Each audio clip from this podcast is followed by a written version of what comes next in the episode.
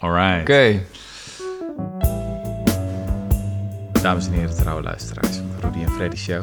Hoi. Eh, het is weer tijd voor een nieuwe aflevering. Ik heb er enorm veel zin in.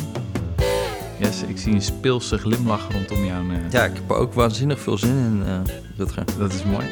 Ehm, we hebben vandaag een hele bijzondere gast. Jelmer Mommers, eh, correspondent klimaatverandering. Is dat eigenlijk je officiële titel? Of Klimaat en energie Klimaat en er. energie. Maar dat, dat moeten wij denk ik aanpassen. Yes. Ehm, je hebt een boek geschreven.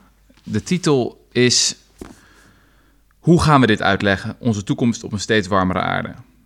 En nu zijn jullie, beste luisteraars, natuurlijk gewend dat... eh, nou ja, we doen wel eens een, eh, een kritiekloos interviewtje met mensen die we bewonderen. Laatst hadden we nog Bas Eickhout. Dat was wel een van onze Dat het meest kritiekloze interview. een interview dat we ooit hebben gedaan. Maar ik wil er toch nog overheen gaan. Want dit, beste mensen, is echt een fantastisch boek. dit is serieus echt het boek waar Nederland op heeft zitten wachten.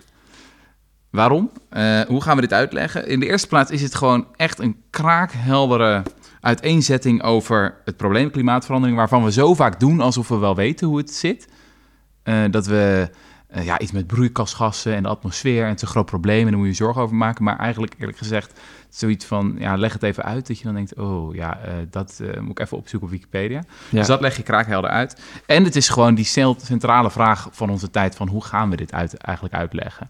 Ehm, over 50 jaar, pap, mam, die dan ons de vraag zullen stellen. Eh, wat deden jullie eigenlijk in die tijd? Weet je, die korte periode van, wat zal het zijn, 20, 30 jaar? Ja. dat we nog het verschil konden maken.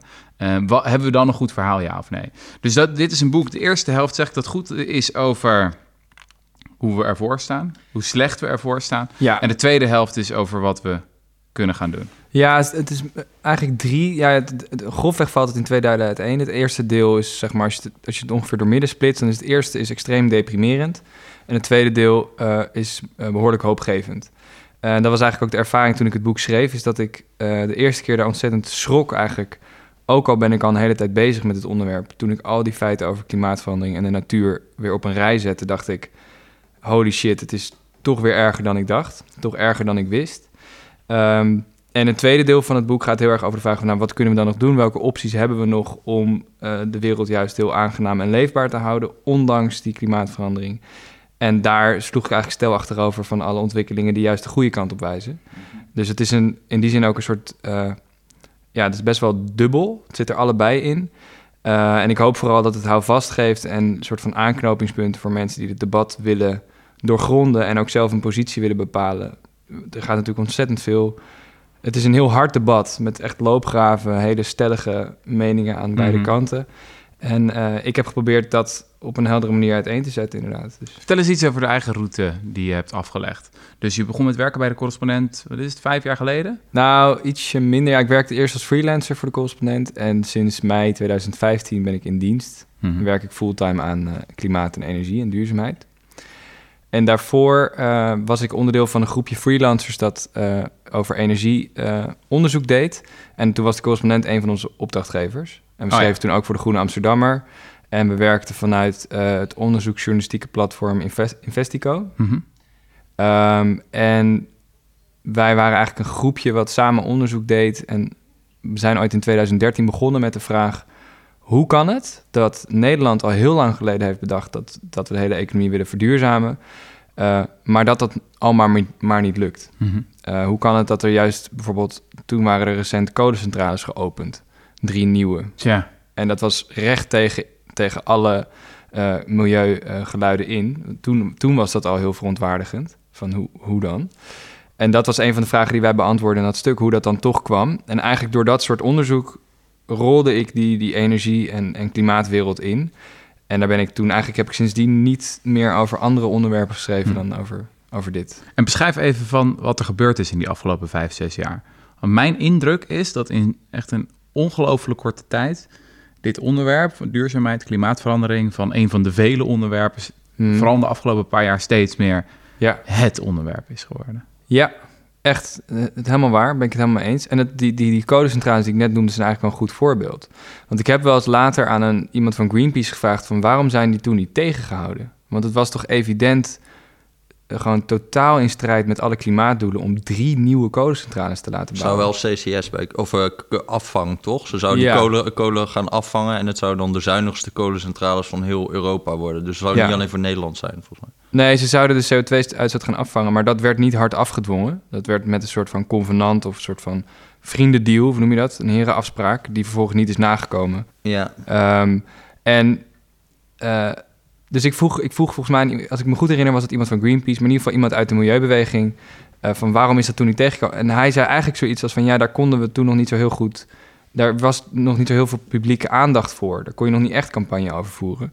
Terwijl nu, eh, volgens mij, als je nu het plan zou vatten, en dat zie je trouwens bijvoorbeeld later bij schaliegas, zag je dat? Ja. Toen Nederlands gasbedrijf schaliegas wilde gaan winnen, toen, toen waren de, de, de, hoe zeg je dat? De rapen gaar. Ja. Dat ging heel snel, was er heel veel weers- weerstand. En dat zou nu ook gebeuren. Dus eigenlijk is dat in vrij korte tijd... is, is, er, is het bewustzijn over hoe ernstig die klimaatcrisis is... en wat dat betekent over het soort ontwikkeling dat we nastreven... is in korte tijd best wel, best wel ontwikkeld. Ja, en puur economisch natuurlijk. Niemand gaat nu zo'n kolencentrale bouwen. Want die lui die zijn ook, die gaan ook keihard geld verliezen. Ja, want het is Ja. privaat geld. Het zijn gewoon ondernemers. Die hebben miljarden besteed aan het bouwen van die kolencentrales, of niet? Hoe Nou, dit, zijn, eh, dit waren de kolencentrales die werden gebouwd door de RWE's en de Nuons van deze Aha. wereld. En de- dat zijn eigenlijk allebei, tenminste RWE niet, maar Nuon is eh, in de handen van Vattenfall, is een Zweeds staatsbedrijf. Oh, dus die betalen daarvoor. Ja, Ja, die hebben Zweden die zijn... vreselijk veel geld verloren op hun eh, Nederlandse onderneming. Ja, want nu moeten ze dicht,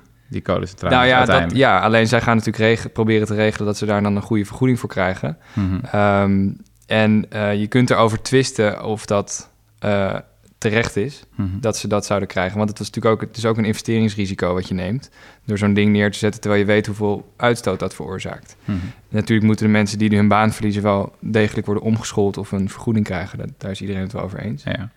Ehm, maar goed, je ziet dus inderdaad wel echt dat er heel veel meer aandacht voor is. En dat is wel eerder gebeurd. Dus in 2006 had je El Gore's film. Toen stond het ook helemaal aan de top van de agenda. Mhm. Toen in 2007 had je de klimaatconferentie in Kopenhagen...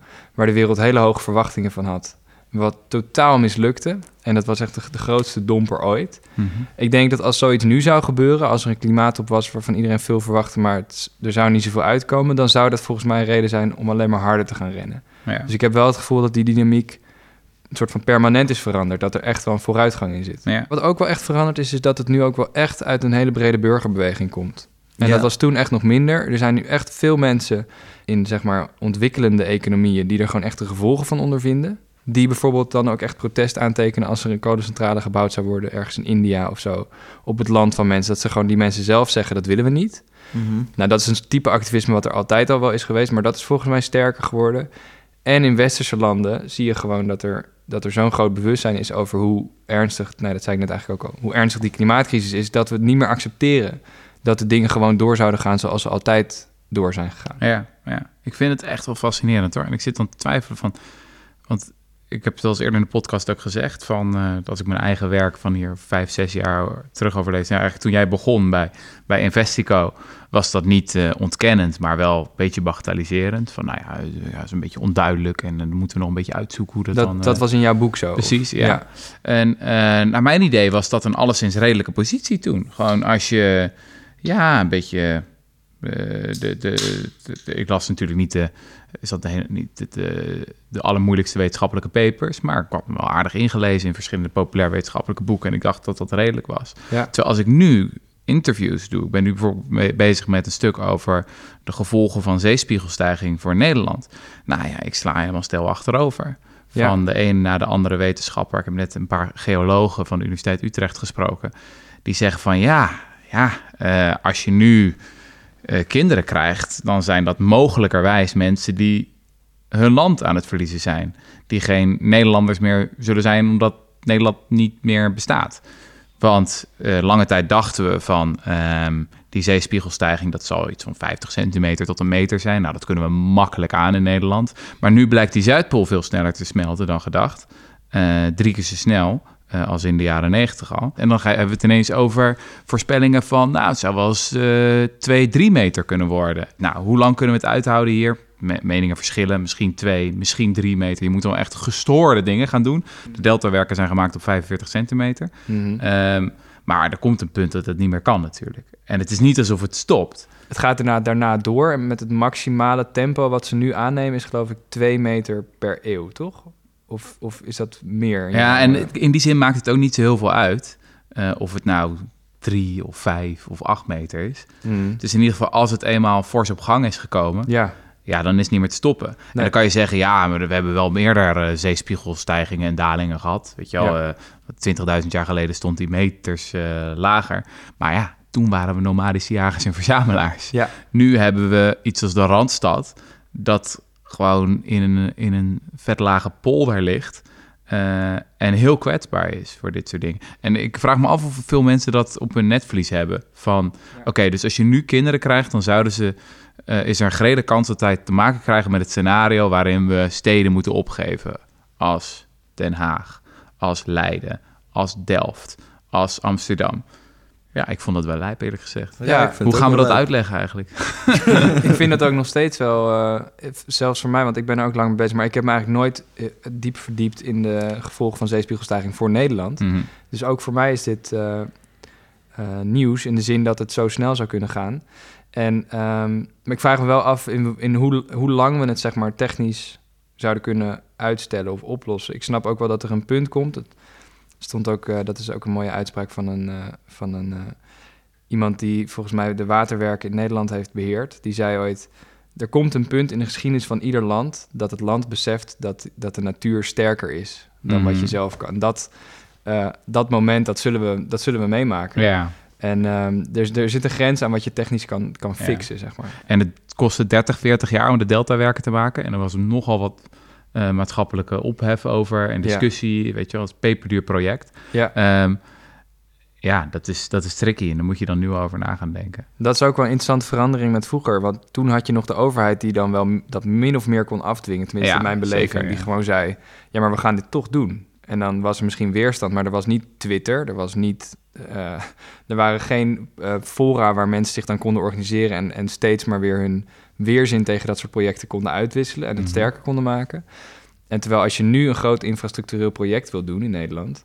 Nou, eigenlijk, eigenlijk wil, is er altijd wel iemand tegen. Of een groep Mhm. mensen tegen. Dus het is veel moeilijker geworden ook. Omdat we eigenlijk, frankly, best wel verwend zijn... Mhm. en best wel in zo'n comfortabele bubbel leven... is het ook veel moeilijker geworden om mensen aan het verstand te brengen... dat er gewoon dingen zullen moeten veranderen. En daar is denk ik ook die po- de, de politiek zo belangrijk. En wat ik zo mis in de politiek is politici die echt met urgentie hierover praten. Die zie je gewoon nog steeds niet. Tenminste, misschien op links een beetje. Maar die gewoon echt uitstralen van jongens, alle hands aan dek. Weet je Mhm. wel? En eh, het, komt er het komt erop aan de komende decennia. En Mhm. wij zijn onderdeel van een generatie die het tij kan keren. En dat is ook een verhaal waar we eh, inspiratie aan kunnen ontlenen. Dat is Mhm. ook een vet verhaal. En dat is iets wat we elkaar kunnen navertellen. Dus dat, en ik, heb, ik, ik heb ook op een gegeven moment nog gepleit om het boek de titel te geven... Hoe gaan we dit navertellen? Omdat dat zit meer in het, het verhaal wat je je kleinkinderen vertelt... Ja. bij het kampvuur, zeg maar. Van, nou, Ja. Vertel eens, hoe ging dat dan toen? Die fantastische wending die jullie hebben gemaakt. Hoe... Nou, dat kun je navertellen met trots. Maar als je iets moet uitleggen, heeft het een iets andere lading. Ja. Ik, ik vind het ook grappig aan dit boek is dat ah, de titel die ik, waar ik ook voorstander van was, hoe gaan we dit uitleggen, is best wel een stomp in de maag. Dat je denkt van, oh ja. Bijvoorbeeld een van, een van die dingen wat ik fascinerend vond, is ehm, hoe lang we eigenlijk al weten over het, het basale mechanisme achter de opwarming van de aarde. Wat is dat, 19e eeuw of zo? Eind 19e eeuw, ja. Ja, ja bizar. Ja, er was toen ergens in de 19e eeuw, volgens mij in- rond 1860, als ik Mhm. het goed zeg uit mijn hoofd. Dat staat goed in mijn boek. Mhm. Ehm, infraroodstraling ontdekt. Dus toen begrepen we, oké, als de zonnestralen op de aarde vallen, dan ketst de aarde eigenlijk infraroodstraling terug. En dat is, eh, eh, dat is licht, eh, maar je ziet het niet en het is warmtestraling eigenlijk. Dus dat is... en dat gegeven werd later weer opgepakt door, door anderen. Die, die stelden zich eigenlijk de vraag... ehm, hoe dat dan samenhing met het klimaat dat heerst op aarde. Hoe kan het dat het hier relatief comfortabel is in de dampkring... dat we een temperatuur hebben waar wij allemaal goed bij kunnen functioneren... en waar we binnen zijn geëvolueerd... en waarin de gewassen die wij eten kunnen groeien. Hoe kan dat allemaal en hoe kan het dat er ijstijden zijn... en dan ook weer warme periodes? Mhm. En hoe werkt dat allemaal? Eh, en dat, die vragen werden dus allemaal in de 19e eeuw al gesteld. En, eh, daarvoor ook al wel, maar vanaf de 19e eeuw komt er echt een soort van klimaatwetenschap, zoals we die nu kennen, eh, op gang. En worden daar dus echt door experimenten wordt bijvoorbeeld aangetoond dat er dus broeikasgassen zijn. De ontdekker daarvan, ene Tyndall, eh, in een Brit, die eh, stelt op een gegeven moment gewoon vast in een experimentele setting dat een broeikasgas zoals CO2 die infraroodstraling waar ik het net over had, eh, absorbeert. En vervolgens die warmte uitstraalt alle kanten op. Mhm. Dus het- vervolgens wordt het eigenlijk worden een paar hele duidelijke, worden, kun je een paar hele duidelijke conclusies trekken. Eh, als je dat weet, dan begrijp je dus dat meer broeikasgassen in de atmosfeer betekent meer warmte. Mhm. Ehm, en er was trouwens voor die Tyndall ook al een vrouw, een vrouwelijke wetenschapper. Dat heet dan, als je dat op Wikipedia opzoekt, staat er amateurwetenschapper. Ja. Dat is, ja, zo gaan de dingen de geschiedenis in. Zij heeft nooit de credits gekregen voor de ontdekking van het broeikaseffect, omdat haar experimentele setting niet 100% eh, sluitend was. Mhm. Maar wat zij deed was eigenlijk nog eleganter om te onderzoeken hoe die gassen werkten. Is dat ze eigenlijk twee eh, glazen kokers, een soort reageerbuizen, vulden met lucht. Mhm. Eentje met gewone lucht en eentje met CO2. En die zetten ze in de zon. En dan kon ze dus meten dat die met CO2 veel warmer werd. En daarmee had ze eigenlijk al, daarmee had ze al genoeg om vervolgens de hypo, hypotheses te gaan formuleren over... Oké, dus als je meer van die gassen in de lucht hebt, dan is het warmer. En nou ja, Dus zo... het basale mechanisme is gewoon super simpel. Er komt warmte naar de aarde en die wordt vastgehouden door die broeikasgassen. Ja, Het is toch Ja. eigenlijk zo fascinerend dat je daar dan zo'n eindeloze discussie over kan hebben en Ja. sceptisch. En terwijl het basale mechanisme tegelijkertijd zo ongelooflijk simpel is. Ja, het is maar inderdaad, het, maar zo gauw het ingewikkelder wordt, gaan er, kun je alle kanten ermee op, zeg maar. Dan kun je overal vraagtekens bij gaan zetten. En dat is nou precies de grap. Dat is dus ook gebeurd sinds de 19e eeuw. Mhm. Dus de klimaatskeptici doen vaak alsof ze een soort van, ehm, alsof zij nu voor het eerst hele slimme vragen stellen over wat is dan eigenlijk de invloed van de zon? Mhm. Er zijn toch ook zonnevlekken en eh, kan het daar niet iets mee te maken hebben? Dat de temperatuur op aarde stijgt. Ja, Ja. of dat die juist eh, eh, in sommige periodes lager is. Van, eh, is het wel allemaal de schuld? Frits Bolkestein zei dat laatst nog in de krant. Ik geloof niet, zei hij letterlijk, dat CO2 het enige is wat zo relevant is voor het klimaat. Dat dat de reden is dat het nu opwarmt.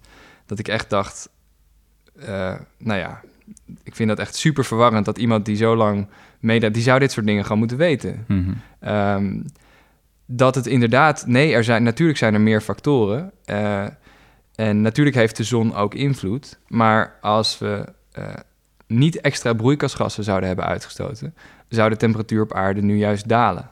Hm. Dat is een heel gek soort eh, feitje. Maar de zonnestraling, de instraling van de zon, is eigenlijk nu minder dan een paar eeuwen geleden. Dus eigenlijk zou de temperatuur moeten dalen, maar in plaats daarvan stijgt die. Hm. Dus dat is eigenlijk weer een bewijs van dat het dus aan onze uitstoot ligt. Ook een van die dingen die ik helemaal niet wist, denk ik, nog niet zo heel lang geleden, is dat vertragende effect erin. Dus wat we nu uitstoten, dat heeft, wat is het over? Enkele decennia, of het heeft nog, zelfs als we het er nu eh, helemaal stoppen met het uitstoten Ja. van broeikasgassen, dan heeft wat we al uitgestoten Ja, hebben, heeft nog decennia lang een opwarmend effect. ja sterker nog, een deel de van die kater CO2... komt later. In die. Ja, de kater duurt eindeloos. Een deel van die CO2 die we nu uitstoten, die hangt er over, eh, over duizenden jaren nog. Omdat de natuur dat heel langzaam afbreekt. Dus ik vind die vergelijking met alcohol interessant. Dat, dat breekt je lever in, nou ja, wat is het? Een, een, een nacht. Als het goed, als je niet al te veel hebt gedronken, dan is het weer weg. Hm. Eh, en CO2 duurt veel langer. Hm. De, de natuurlijke processen die CO2 afbreken zijn gewoon extreem traag. En eh, dat gebeurt uiteindelijk wel. Maar zelfs als we nu zouden stoppen met, met uitstoten, dan zou het eh, nog vele duizenden jaren duren voordat, voordat het klimaat zeg maar stabiliseert. Hm. Ehm, wat ook een reden is volgens mij voor veel mensen, en dat is een beetje het gevaarlijke met dit onderwerp, is hoe meer je erover weet, ook hoe, hoe meer reden, redenen je ook hebt om hopeloos te worden. Hm. Want als je dit hoort, dan kun je, kun je vrij makkelijk de conclusies trekken van, nou, wat heeft het dan nog voor zin wat wij aan onze uitstoot doen? Hm. Want kennelijk hebben we het al helemaal verpest. Heb je zelf wel eens dat soort momenten gehad? Ja, maar ja. Ehm, ik denk ook dat dat is, zeg maar, dat stabiele klimaat waarin eigenlijk de mensheid is groot geworden de afgelopen duizenden jaren, dat is echt wel definitief weg, denk ik. Ehm, en dat zullen we de komende eeuwen merken hoe verstorend dat is en hoeveel last we daarvan gaan hebben. Ehm, maar het is niet gezegd dat, eh, dat al die veranderingen die er nu aan zitten komen, dat, die, dat we daar zo... Het gaat er natuurlijk ook nog op hoe we daar met z'n allen op reageren. Mhm. Weet je wel, je kunt op verschillende manieren reageren op een stijgende zeespiegel. Je kunt goed plannen. Je kunt goede dijkverhogingen proberen zo lang mogelijk. En daarna op een degelijke manier je land opgeven. Ja, ja, Of je kunt in een soort chaos en conflict vervallen. ja. Eh, dat zijn een soort van vragen waar we denk ik de komende eeuwen... Maar dat zijn best wel lange tijdspannen, dus ook best wel abstract. Maar volgens mij zijn dat wel de vragen voor, voor de komende tijd. En heb je niet, want ik heb hem misschien ook omdat ik helemaal niet met het fysische proces of zo bezig ben, want dat snap ik niet. Maar alles wat zeg maar over, over eh, de techniek gaat of zo, dan word je bij, best wel snel optimistisch, heb ik het idee. Ja. Van alles wat we dan proberen gaat altijd sneller dan we denken. Ja, Dus die zonnepanelen die gaan als een speer. Eh, die techniek gaat heel snel. Ja. Die windparken die op zee die we aan het aanleggen zijn. Nou, dat dat nu al zonder subsidie kon, dat had ook niemand gedacht. ja. Dat gaat allemaal, wordt veel goedkoper. Die batterijen in elektrische auto's gaan harder. Ik bedoel, dat is wel een reden dat ik ook denk... ja, als we, een, we hoeven niet eens totaal radicaal te zijn. Als we gewoon het een beetje gaan helpen, een beetje een duwtje geven... dan gaat het elke keer harder dan we denken. Dus wat dat betreft kunnen we ook misschien wel zo... We zijn best wel vernuftig, blijkt. Ja, nee, ben ik ook helemaal met je eens. Dat is inderdaad echt het tweede deel van het boek, waar ik ook echt wel, eh, wel eh, optimistisch over ben. Alleen denk ik wat wel een beetje lastig hierin is, is we hebben het nu, we hebben het nu inderdaad over zonnepanelen en windmolens, daar heb ik het in mijn boek ook over. Mhm. Dat gaat echt fantastisch. Aan de andere kant, eh, dat zijn manieren om stroom op te wekken. Nou, je weet het, je weet het er is meer dan stroom. Wij gebruiken ook warmte en eh, kracht eh, als eh, energiebronnen, zeg maar. En ehm, die, je moet dan dus ook nog eens alle processen die je nu bijvoorbeeld met benzine doet of met aardgas, Mhm. moet je eerst op elektriciteit overzetten. Dus het heeft wel superveel implicaties voor hoe we alles georganiseerd hebben. Mhm. Ja, want we En- praten nu nog over de makkelijke dingen eigenlijk. Precies, dit Dus is ik heb eigenlijk net, eh, aan het fruit. Ja. We hebben net zonnepanelen aangeschaft.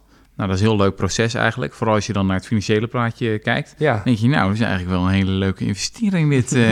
dan zit je naar het rendement te kijken. ja, Ja, dat hebben we dan voorgerekend door eh, de de commerciële partij natuurlijk. Dus dan moet je met een korreltje zout nemen. Maar die had het al over 11, 12 procent. ja, Toen denk ik, nou, met Triodos geeft me nul.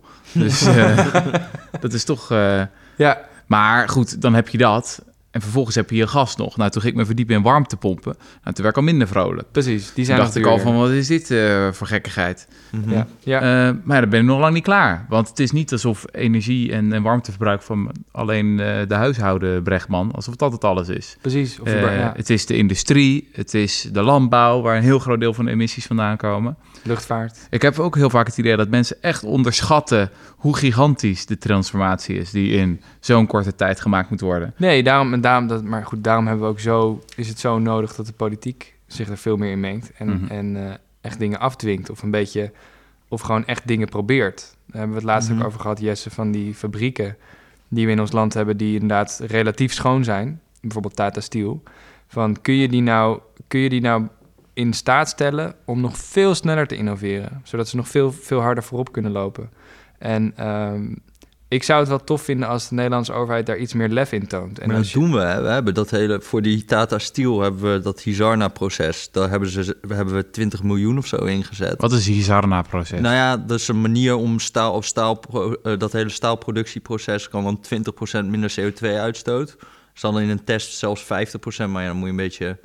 Maar dat is, heel, dat is echt heel veel. Dat is, denkt Mhm. iedereen nu, hopen we een beetje dat dat de toekomst gaat worden. Hmm. En dat is gewoon met Nederlands subsidiegeld gemaakt. En je zou dat gewoon nog veel meer willen.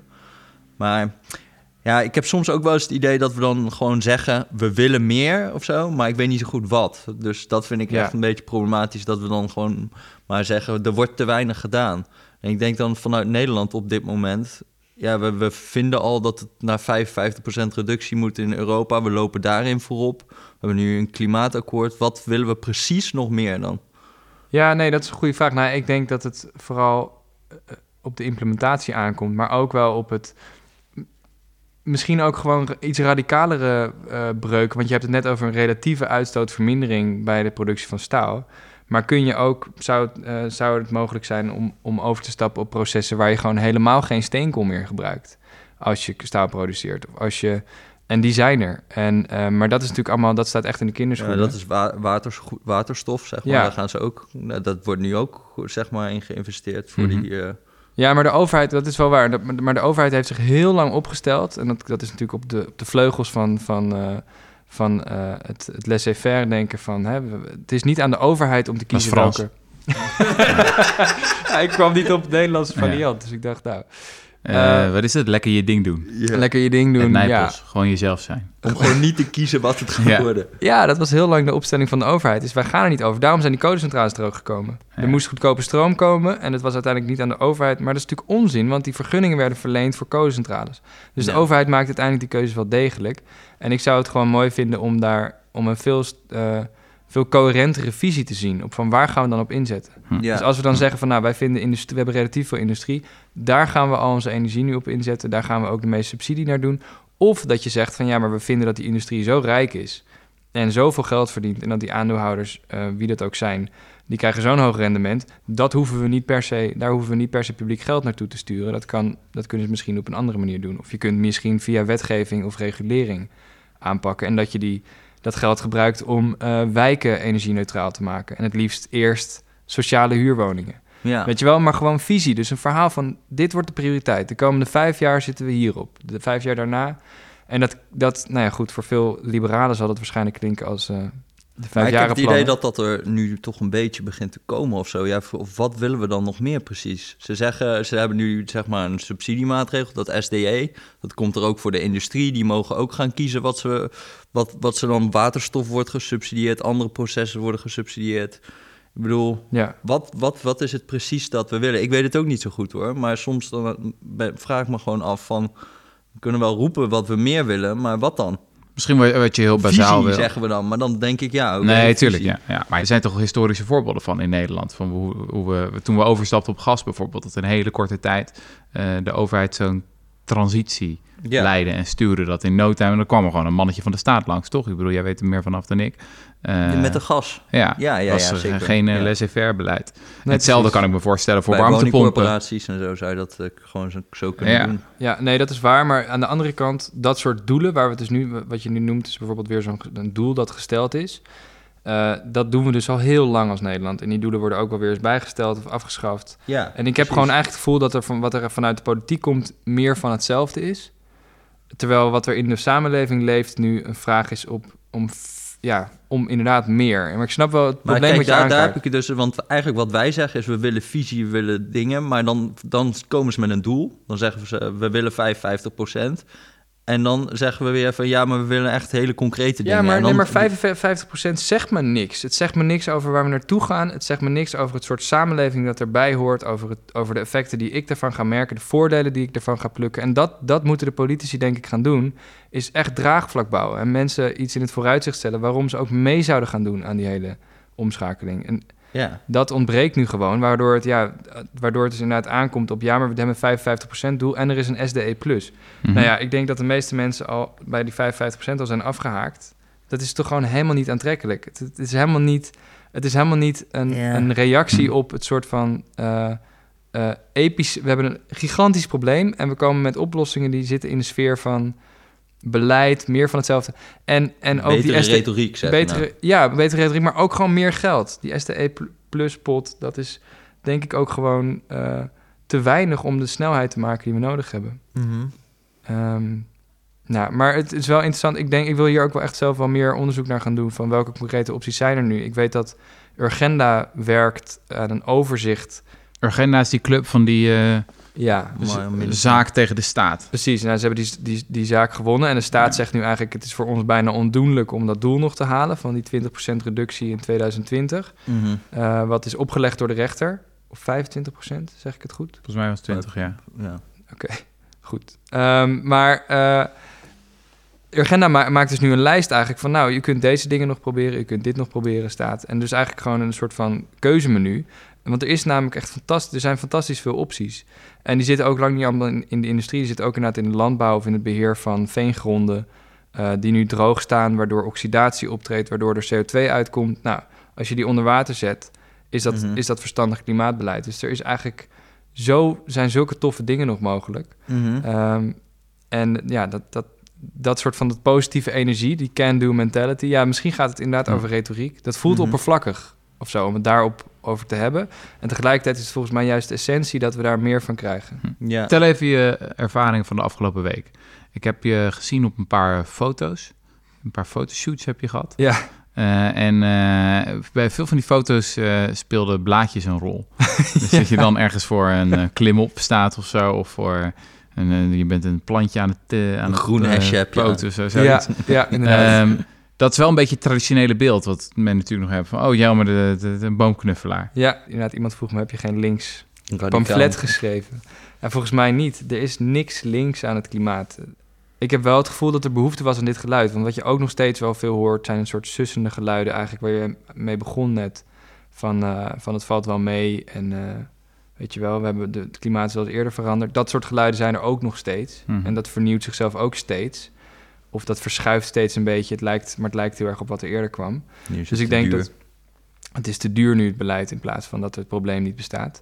Ehm, ik denk dat er wel echt behoefte is en blijft ook aan een soort tegengeluid op dat ja. vlak. Ehm, ja, dat is wel echt fascinerend, hè? Dat je echt een paar voorbeelden hebt van in Nederland die wetenschapsjournalist, hoe heet die, Simon Roosendaal, mhm. die nu ook helemaal dat als verhaal, heeft, een boek, hoe heet het? Heet Warme planeet, koel, eh, Ja. koel hoofd of zo. Ja, precies. Dus dat is het nieuwe frame. Ik, ik volg zelf zo'n eh klimaatskepticus, ik weet niet of ik hem zo kan noemen, Bjorn Lomborg. ja, Skeptical Environmentalist, eh, environmentalist heeft hij jaren geleden geschreven. ja, En die is ook helemaal overgestapt op dat verhaal. Van Ja. nee, we erkennen wel dat klimaatverandering een ding is. Maar we moeten het nou niet een crisis gaan noemen en zo. Precies. En laten we even nadenken dat het allemaal niet te duur wordt en zo. En die retoriek is eh, echt overdreven. Maar dat is echt wel een hele grote verandering. Want de, precies diezelfde mensen tien jaar geleden zaten ze nog op... Nou, de zonneactiviteit is ook eh niet mals. En ook een was echt nog een heel ander verhaal toen. Ja, maar eigenlijk lopen ze dus ook... eigenlijk lopen ze tien jaar achter. En dus ook nu weer, wat mij betreft. dus in die zin denk Ja, ik dat dat... is ook elke keer van dat je van die techniek die er nu is, dan gaan ze zeggen ja, dat is fucking duur en dan vergelijken met, maar dat zo werkt het natuurlijk niet, want met die zonnepanelen is ook in tien jaar als je daarin gaat investeren, ja, gaan Ja. al die kosten omlaag. Ja. Dus als je dat gewoon maar een beetje gaat doortrekken met allemaal, ja, dan kan je het, kan je het wel heel Ja. duur voorstellen. Ik vind Maar dat wel even hypocriet het trouwens. Van sommige mensen dat die dan tegen kernenergie zijn. Met precies hetzelfde argument als waarmee zon en wind, zon en wind zo lang is afgeschreven. Van het is te duur. Ik denk van ja, maar voor kernenergie kan je precies hetzelfde punt maken. Als we nu massaal in kernenergie zouden investeren. Dan zou het over daar wel 10, iets 20 jaar veel goedkoper zijn, toch? dat, dat, dat die kernenergie, dat dat ook te maken heeft met dat we dat juist nooit meer doen. Dus we bouwen die dingen bijna niet. En daarom is het elke keer als er nu een wordt gebouwd heel erg duur. Omdat je Maar- niet meer weet hoe het moet. Omdat mensen Ja. als van dezelfde generatie eh, kerncentrales dus zeg 10 neerzetten, dan wordt het goedkoop. Maar als je daar elke keer een hele nieuwe generatie hebt en niemand zet er maar eentje neer, Mhm. dan is die, gaat die helemaal kostenoverschrijdingen en super duur. Ja. Dus we Ja. zijn verleerd om die dingen te bouwen eigenlijk. Ja, en in ja. China en zo zijn die kosten veel lager namelijk. Ja. Ja, maar ik denk wel, er zit nog wel een verschil in. Ehm, uiteindelijk is ook uranium een grondstof die je nodig hebt om, om zo'n kerncentrale te laten draaien. Wel veel minder dan olie en gas. Maar in die zin zijn die zonne- en windmolens, eh, zonnepanelen en windmolens vind ik interessant, omdat dat echt technieken zijn. Net als, eh, ehm, eh, hoe heet het, LSD-schermen en eh, dat, die, die blijven LSD. dalen. Ja, zei ik. LSD-schermen? Oké. LSD-schermen. Freudiaans Dit is weer een groene hippie, hoor. Ongelooflijk, heb je hebben. Ja. Maar eh, dat zijn technieken die, die blijven dalen in kosten, omdat je ze... Maar en zo'n kerncentrale, eh, onderschat het niet, wat een enorm infrastructureel project dat is. En dat, Mhm. dat, ik denk dat daar wel een harde grens zit aan hoeveel goedkoper het kan worden. Ja, En, ehm, en dat duurt lang. Dus daarom, eh, ik ben niet principieel... Ik ben inderdaad principieel voor energietechnieken die de uitstoot laten dalen. Dus als kernenergie een, een goede optie is, prima. Maar het duurt ook nog eens lang. Eh, langer dan volgens mij de opschaling van zon en wind. Maar één ding wat je wel zou kunnen zeggen is, er was laatst ook zo'n dingetje over, over dat, die, dat ze heel veel kerncentrales eruit gaan. Mhm. Dus dat ze die uit, eh, uit gaan faceren. Nou, in Duitsland is natuurlijk heel groot. Ja. Maar dat dat heel erg veel eh, gigawatt gaat schelen in, in wat, wat we aan duurzame energie gaan opwekken. Alleen al dat al die dingen gesloten worden. Niet eens Ja. dat we nieuwe bouwen. Je kan je afvragen of dat nou wel de beste volgorde is. Ja, ben ik met je eens. Want ook, ook, ook het probleem is dat zon en wind volgens mij is gewoon niet eh, voorspelbaar. En het vo- voordeel van dat je dan een beetje nucleair zou hebben, is dat dat wel voorspelbaar is. Dat dat Nou. gewoon energie levert die constant is. Volgens mij klopt dat niet helemaal, want volgens mij is, is wel degelijk redelijk voorspelbaar eh, hoe hard het ongeveer gaat waaien en hoeveel, zon je hoeveel zonuren je gemiddeld hebt. Ja, oké, maar het ja. reageert niet op de vraag. Nee, dat niet. Maar dat, is, dat kun je ook op andere manieren oplossen, volgens mij. Eh, en uiteindelijk zou het kunnen dat je dan ook nog bronnen nodig hebt die, die je altijd aan en uit kan zetten. Maar dat zou dan bijvoorbeeld, ik vind dan waterstof interessanter, omdat dat echt helemaal schoon is. In tegenstelling tot eh, uranium of eh, Ja. al die reactoren, waar je ook nog eens over blijft met afval, wat verschrikkelijk duur is om te verwerken. En waar je nog Ja. vele, vele, vele generaties mee opzadelt. Dus ik vind dat gewoon niet een elegante oplossing, laat ik het zo zeggen. Nee, nee, nee. Maar ik heb wel het gevoel bij dit soort discussies... die dan gaan over pro- en, en, en, en tegen kernenergie... dan denk ik wel, als je dat bekijkt in verhouding tot de, tot de uitdaging... Mm. van je moet echt in 10, 20, daar, eh, 20 jaar een gigantische transformatie doen... dan kunnen we het ons toch helemaal niet permitteren.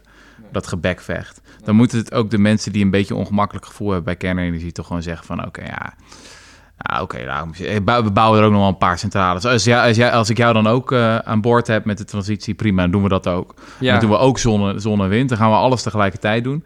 Maar weet je, dat gevoel begrijpt mij heel erg. Ja, het enige Van, is kunnen we nou ja. echt zo'n discussie tussen de ecomodernisten en de andere klimaatactivisten eh, permitteren? Weet je, die zouden Ja. toch gewoon bij hetzelfde, aan hetzelfde team Ja, het, is, moeten het is prima als het zonder kan. Je hebt natuurlijk liever geen kernenergie. Maar volgens mij heeft wel iedereen zoiets van dat het erin... Ook die IPCC en zo zegt gewoon, het hoort erbij, moet erbij. Dus ja, ik Ja. weet niet... Maar ja, die onderschatten ook telkens hoeveel sneller die kostendalingen gaan. Ja, oké. eh, Dus, Dus eh, het- dat, uiteindelijk weet niemand het precies. En zijn het dus ook, daar kom je weer op die visie waar ik net eh om vroeg. Uiteindelijk Mm. gaat het ook om soort keuzes van, ja, maar hier willen we naartoe en we willen het liefst zo inrichten. En niet op die andere manier.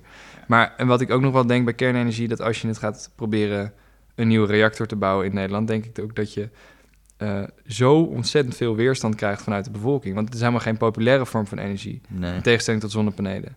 Dus ehm, dat is ook nog wel iets om rekening mee te houden. Ook gewoon puur vanuit een pragmatisch oogpunt. Mhm.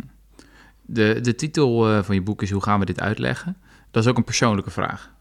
Dus we hebben het nu steeds over grote dingen die overheden en, en, en Europese unies en dat soort eh, instituties doen.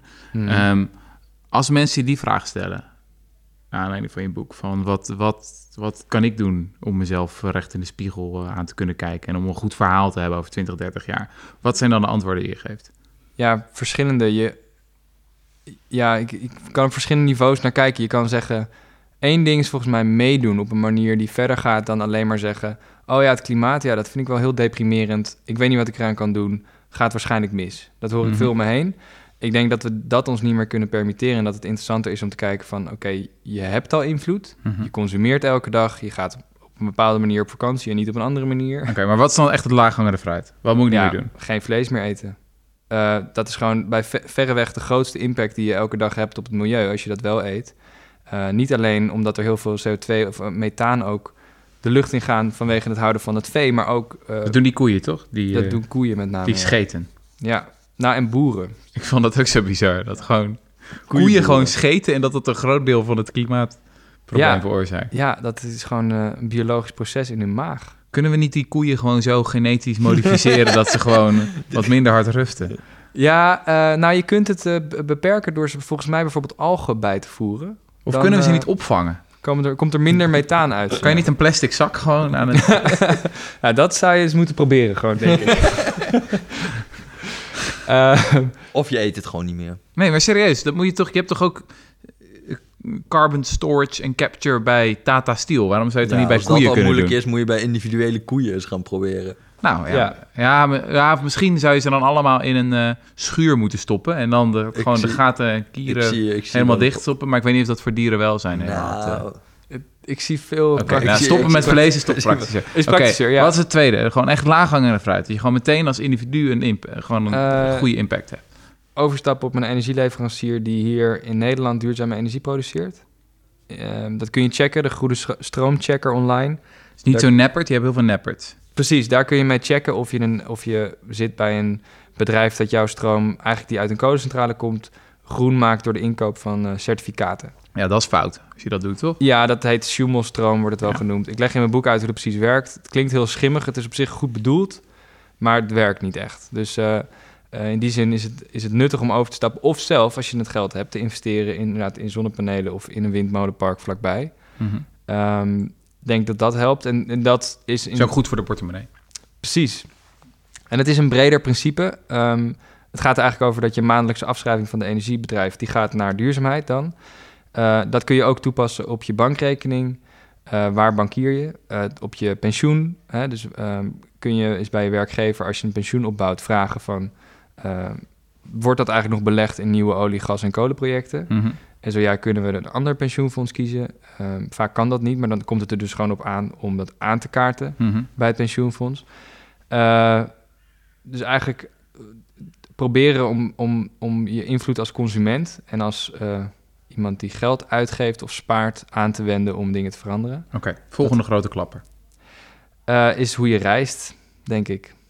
Eh, voor, voor als, vanuit een individu geredeneerd heb ik Ja. nu over. Ja. Ja, dan is eh, zeker als je, als je heel veel met de auto gaat bijvoorbeeld, dan zit daar een heel groot deel van je uitstoot. Als je veel vliegt, eh, dan kun je ervan op aan dat dat het grootste deel van je Ja, uitstoot je hebt een tijdje geleden daar een stuk over geschreven met best wel lijp. Ja, Want vliegen is echt gewoon, als je het echt regelmatig doet, dat is dan bijna alles toch zo'n beetje van je, of zeg ik Ja. dat verkeerd? Van nee, je, dat van is je dan wel echt dat, wel heel overheersend, ja. Ja, en op zich is het vanuit, vanuit het, tota van het totale deel van de uitstoot is vliegen juist weer relatief klein, nu nog. Maar omdat al die andere eh, delen van de economie, die zijn snel aan het dalen in uitstoot, of tenminste dat proberen we. Maar bij vliegen kan dat nog niet. Mhm. En mensen die tot nu toe niet hebben gevlogen, dus in andere landen zeg maar, waar de inkomens stijgen, is een van de eerste dingen die mensen gaan doen als ze eenmaal genoeg geld hebben, is wel vliegen. Dus dat stijgt alleen maar. En, en volgens mij is de enige manier om dat te keren, is eh, door een soort cultuur te kweken waarin het gewoon minder normaal is. Waarin je gewoon zegt van ja, maar dat is, het is zo vervuilend. Dat Ja. kan je eigenlijk niet maken. Het zou helpen als het duurder zou zijn. Dat sowieso. Ja. Ja. Maar ook Ja. dat vind ik interessant. Want volgens mij is die discussie ook echt pas net begonnen over vliegen. Dat hele nieuwe termen als vliegschaamte en zo. Ja. Ja, ik voel het nu wel hoor. Als je op, eh, als je op feestjes en partijen bent. Ik ga echt niet meer zo trots vertellen over alle landen die ik bezocht heb. Ik eh. ga al drie jaar niet op vakantie, dus ik ben goed bezig. ja, Nou, ja, precies. Je hebt ook nog wat. echt zo'n deugdmens ben jij. Ja, fantastisch. Dat vind ik wel interessant, want dit Ja, maar is het is ook toch wel een- echt heel recent. ja, dat is echt eh, heel recent. Maar dit is ook een, het soort dynamiek waardoor heel veel mensen uittunen van deze discussie. En die denken, die groene lui, die moeten mij alleen maar hebben. Die willen mijn geneugde afpakken. En eh, eh, dat, dat is ook een dynamiek waardoor, waardoor ik denk dat heel veel mensen zich afkeren van dit probleem. Omdat de oplossingen ze eigenlijk alleen maar in negatieve zin raken. Ja. Maar ik, nee, ik ben het er niet mee eens. Ik denk van, je kan dat van zoveel eh, verhalen vertellen. Van als je er een optimistisch hippie verhaal van maakt, dan kun je zeggen, ja, dat zijn typisch mensen, houden daar niet van, want die krijgen daar helemaal, eh, die houden daar niet van, die willen gewoon een wat realistischer verhaal. Dan vertel je volgens een realistisch verhaal, zeggen mensen, ja, nee, dat werkt helemaal niet. Je moet juist de emoties aanspreken. Hmm. Dan vertel je volgens veel meer een emotioneel verhaal. Dan, dan is het nee, nee, nee. Dan mensen een afkeer van. We moeten van kotsen van die deugdmensen. Het punt is, je moet al die verhalen vertellen. Ja, ja. Allemaal tegelijkertijd. En, en als je goed bent in het ene verhaal vertellen, vertel jij het, het verhaal voor de deugdmensen. Als je goed bent in het verhaal voor, weet ik veel, de policy wonks van mensen die heel erg houden van de cijfertjes en de nummers, dan vertel je dat verhaal. Als je het, weet je wel, iedereen heeft een, eh, reageert op een ander verhaal. En daarom moeten we allemaal tegelijkertijd vertellen. Dat zou, dat zou mijn eh, ja, betoog nee, zijn. Fair enough. Fair en enough. ja, er zullen altijd mensen die ze- ze- blijven die zeggen van, eh, bleh, weet je wel, eh, irritant van die mensen die eh, zich schamen voor vliegen. En die Maar- belasten we helemaal de tyfus. Ik vind schaamte, ja, inderdaad, inderdaad. En, en schaamte is best wel iets effectiefs, hoor. ja, nee, dat ben ik met je eens. eh, Ja, misschien wil ik het graag eh, aardig zijn of zo. Of aardig gevonden worden. ja, dat, ik is wel, mensen niet, ja, ja, ja, ja, dat is een probleem. moeten we- Goed, daar gaan we het verder over hebben straks. Ja. Ja, dat is wel in- interessant om over na te denken. Dat Ja. ook karakterologisch, van als je een genuanceerd persoon bent, zoals jij, hoe verhoud je dan tot zo'n probleem dat niet genuanceerd is? Ja, maar aan de andere kant, eh, nee, inderdaad. Sorry, ik wil niet overheen lullen. Je hebt helemaal Ja. gelijk. Alleen ik denk ook wat je ziet vanuit de journalistiek is dat dit soort. Ik denk ook dat een reden is dat dit soort dingen überhaupt nog niet besproken werden. Is omdat journalisten, zeg maar, bij de meer traditionele media, die het, nog het, het criterium van objectiviteit, zeg maar, als hun leidraad hanteren. Mhm. die, zou, die zijn wel gek als zij, als zij vanuit hun eigen eh, eh, analyse van het probleem uitspraken gaan doen over het gedrag van andere mensen. Mhm. Dat is echt totaal not done. Dus ik denk ook dat dat wel meespeelt. Dat heel veel eh, journalisten het gewoon hier... Dit is gewoon een... Ja, dit, is, dit gaat mensen persoonlijk aan. Daar heb je het eigenlijk niet over. Hm. Slaat dat ergens op, denk ja, jullie? zeker. dat denk ik ook. Ik denk dat dat ook veel meer pijn doet als je het gaat hebben over... eh, je mag niet vliegen, dan laten we de vliegbelasting even met eh 30 euro omhoog doen of zo. Ja. Terwijl optie B misschien wel veel meer impact heeft, denk ik stiekem ook. Ja. Maar dat is, dat, is, dat, is wel, dat is wel eerder geoorloofd dan zeg maar echt mensen persoonlijk aanspreken. Ja, wat ik dus ook nog wel interessant vind, is een soort het samenspel tussen die eh, verschillende stappen. precies. Waarom je- stond het nu ineens in de stemwijze voor de Europese verkiezingen dat er een Europese vliegtax moest komen? Volgens mij ook omdat er in de afgelopen jaren zo'n discussie is ontstaan, eh, onder andere in de media, Precies. van eh, ja, kan dat eigenlijk nog wel al het vliegen? Dus er is ook een interactie tussen. Ik denk Ja. nu dat eh, er ook veel bredere steun zou zijn voor als die belasting omhoog gaat op vliegen. Mhm. Hetzelfde ook denk ik eh, als, eh, als iedereen nog vlees zou eten, dan zou het ondenkbaar zijn dat je de veestapel gaat aanpakken. En dat Ja. is evident nodig. Iedereen die, die het ooit heeft uitgerekend weet dat het onhoudbaar is om zoveel vee te houden als wij nu in Nederland hebben. Mhm. Ook trouwens vanwege stikstof. Daar was deze week nog een vonnis over. Het is gewoon veel te veel. Veel te zware stikstofbelasting voor de natuur. Dat moet naar beneden. Eh, Nederland houdt zich niet aan de Europese regels. Ehm, maar ik denk dat ook omdat heel veel mensen al laten zien dat je prima zonder vlees kan. Mhm. eh, en dat het in veel, veel opzichten zelfs een gezonder dieet is. Of een, eh, in ieder geval een milieuvriendelijker dieet. Dat, het daar, dat daardoor inderdaad ook een soort draagvlak ontstaat voor beleid die Mhm. kant op. Hebben jullie die Beyond Burger al geprobeerd? Nee, Ik nog heb niet. de Beyond Burger nog niet Nee? eh, geprobeerd. Nou, dat is Nee? niet normaal. ja, ik heb dat ding gekocht. Dat kost 6 euro. Maar dat zal wel een beetje hetzelfde zijn als zonnepanelen. Weet je wel? Dat, eh, weet je, een 80% prijsreductie krijgt in een korte tijd. Ja, Maar dat ding was niet normaal. Ik heb veel eh, vega vlees al eh, tot mij genomen. En het is een eindje tegenwoordig om vega te zijn. Eh, weet je, je hebt echt eh, allemaal eh genieten Ja. schnitzels en zo. ja, maar dit ding, ik vond hem bijna weer een beetje eng. Want ik had zo lang ge- ge- geen vlees meer gegeten... dat ik weer een beetje dacht van... oh ja, di- dit was het. ja, Ik Grappig, ja. bijna een onbehagelijk gevoel van, van hoe goed het was. Je ja. mag verdomme hopen dat ze ons nu duizend van die Beyond Burgers gaan sturen met dit soort pitches, eh, Ja. vriend. Ja, inderdaad. Ja, nee, maar ik hoorde Nou, ik zou het niet verkeerd vinden, want duizend keer 6 euro, dat is een, eh, een go- goed eh, honorarium voor Dat is deze wel podcast. Een Eh, prijs trouwens. ja, dat slaat helemaal nergens op, ja. Ja, het, je hebt er wel twee dan trouwens. Oké. Weet je wat ik interessant zou vinden? Is als je dan op een gegeven moment de technologie zo ver gevorderd is met kweekvlees of vleesvervangers, weet ik veel wat, dat het gewoon echt niet meer te onderscheiden is in basale Mhm. tests. Een beetje zoals eh, Heineken ten opzichte van eh, Albert Heijn Pilsner. Dat is chemisch identiek. En ga je dan van die snobs krijgen die zeggen nee, Ja, ja, ja. Nee. Dan krijg je nog zo'n ik wil toch dat een dier doodgaat. Ja, Ja, ja. ja, dat is trouwens ook wel interessant, hè? Want zo'n vraag van welke dingen zullen we over 50 of 100 jaar moreel verwerpelijk vinden, dan vind ik dit ook wel een. eh, Ja, dat is zeker, genomineerde. zeker weten. Ja, dan ga je echt ko- kosmisch verliezen. ja, toch? Ja. Ja. Ik eet alleen maar kippen. Is dat ook erg? Ja, dat is ook erg. Kippen is voor het klimaat heel goed. Voor dierenwelzijn is het een drama. Want als je een koe eh, slacht, dan kan je daar als eh, gezin eh, een hele maand van eten. Eh, maar de CO2-uitstoot is heel hoog, omdat die koeien en, en methaanuitstoot is hoog. Maar kippen, eh, kippen zijn, hebben een vrij lage eh, CO2-afdruk. Ja, Alleen het punt is, je moet er heel veel van doodmaken om een beetje eh, te kunnen eten. Mm. Dus eh, ja, je bent een duurzaam monster eigenlijk. ik ben wel eens in zo'n uh, kippenstal. Sorry. ik had even niet door hoe deze zou landen. ja. Ah, dat is waar. Ja, Ja. wat erg. Hm. Maar goed, ik heb hier geloof ik Nou, niet... Beyond Burger, als jullie ons even wat kunnen sturen. En nou, tot zover de lifestyle sectie van eh, de Rudy en Freddy show. Dank jullie wel. Eh Jelmer, ehm, wat ligt er in het verschiet voor jou? Ik ga eh, komende dinsdag Mhm. een lezing geven in het Paard in Den Haag. Zijn er nog zijn- kaartjes? Er zijn nog kaartjes voor, dus voor de luisteraars die, eh, die nog willen, wees, wees zeer welkom. Dat heet gewoon het paard. Ja, het heet vroeger het Paard van Troje, nu heet het gewoon het Paard in. Den Haag. En ik geef een eh, correspondentcollege over het klimaat. Eh, en eh, daarna een week later nog zo eentje in Tivoli, dat is al uitverkocht. Dus dat is voor Oh, dus mij in nu, Utrecht eh, zijn ze duurzamer ja, dan, ja, ja. Den Haag moet nog even aan de bak. Ja. Oké. Dus daar, daar, daar, zit ik, daar ben ik Terwijl nu die mee toch bezig. gaan overstromen. Of in Utrecht zit je hele familie. Ja, precies. ja, ja, precies. ja, dat sowieso. Ja, dus eh, eh, dat is voor mij nu. En, eh, en daarna, eind van de maand, even op vakantie. Alright. Jesse, jij? Alles lekker? Top. Oké. Tot de volgende keer, mensen. Tabé. Dat weet